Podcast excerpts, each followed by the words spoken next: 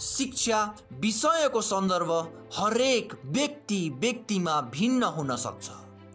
कसैको नजरमा शिक्षाको परिभाषा अरू व्यक्तित्वहरूको विचारलाई समेटेर आफूले एउटा तर्क दिन सक्ने क्षमता विकास गर्ने हुन सक्छ भने कोही अरूको नजरमा त्यही शिक्षाको परिभाषा अरू व्यक्तित्वहरूको विचारलाई समेटेर आफूले एउटा निर्णय लिएर त्यसलाई प्राकृत रूपमा अगाडि बढ्ने हुन सक्छ।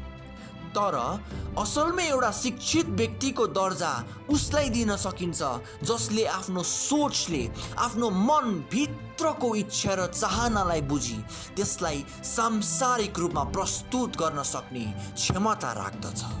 समाजमा घटित यथार्थ समस्यालाई बुझी त्यसलाई समाधान गर्न सक्ने चाहना राख्दछ र निस्वार्थ रूपमा सबैको भलो चिताउने मनसायले निकास हुन्छ त्यहाँ नैतिकताको।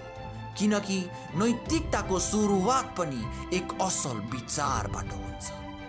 आजभन्दा दुई सय वर्ष अगाडिको इतिहासलाई निहाल्ने हो भने कहाँ नै थियो र त्यस बखत सवारी साधन उद्योगको विकास जब अमेरिकाका हेनरी फोर्डले पहिलो पटक फोर्ड कम्पनीको स्थापना गरेर पहिलो चार पाङ्रे सवारी साधनको आविष्कार गरेका थिए।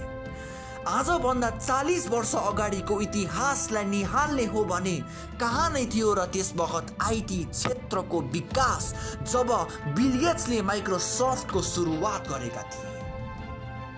चाहे अमेरिका होस् या चिन चाहे रुस होस् या भारत चाहे बेलायत होस् या नेपाल जहाँ सकारात्मक क्रान्तिको आगो बल्झिन्छ त्यहाँ नैतिकता झल्किन्छ त्यहाँ विकासले जगत लिन्छ र त्यस विकासको सृजना सुरु हुन्छ एक असल विचारबाट।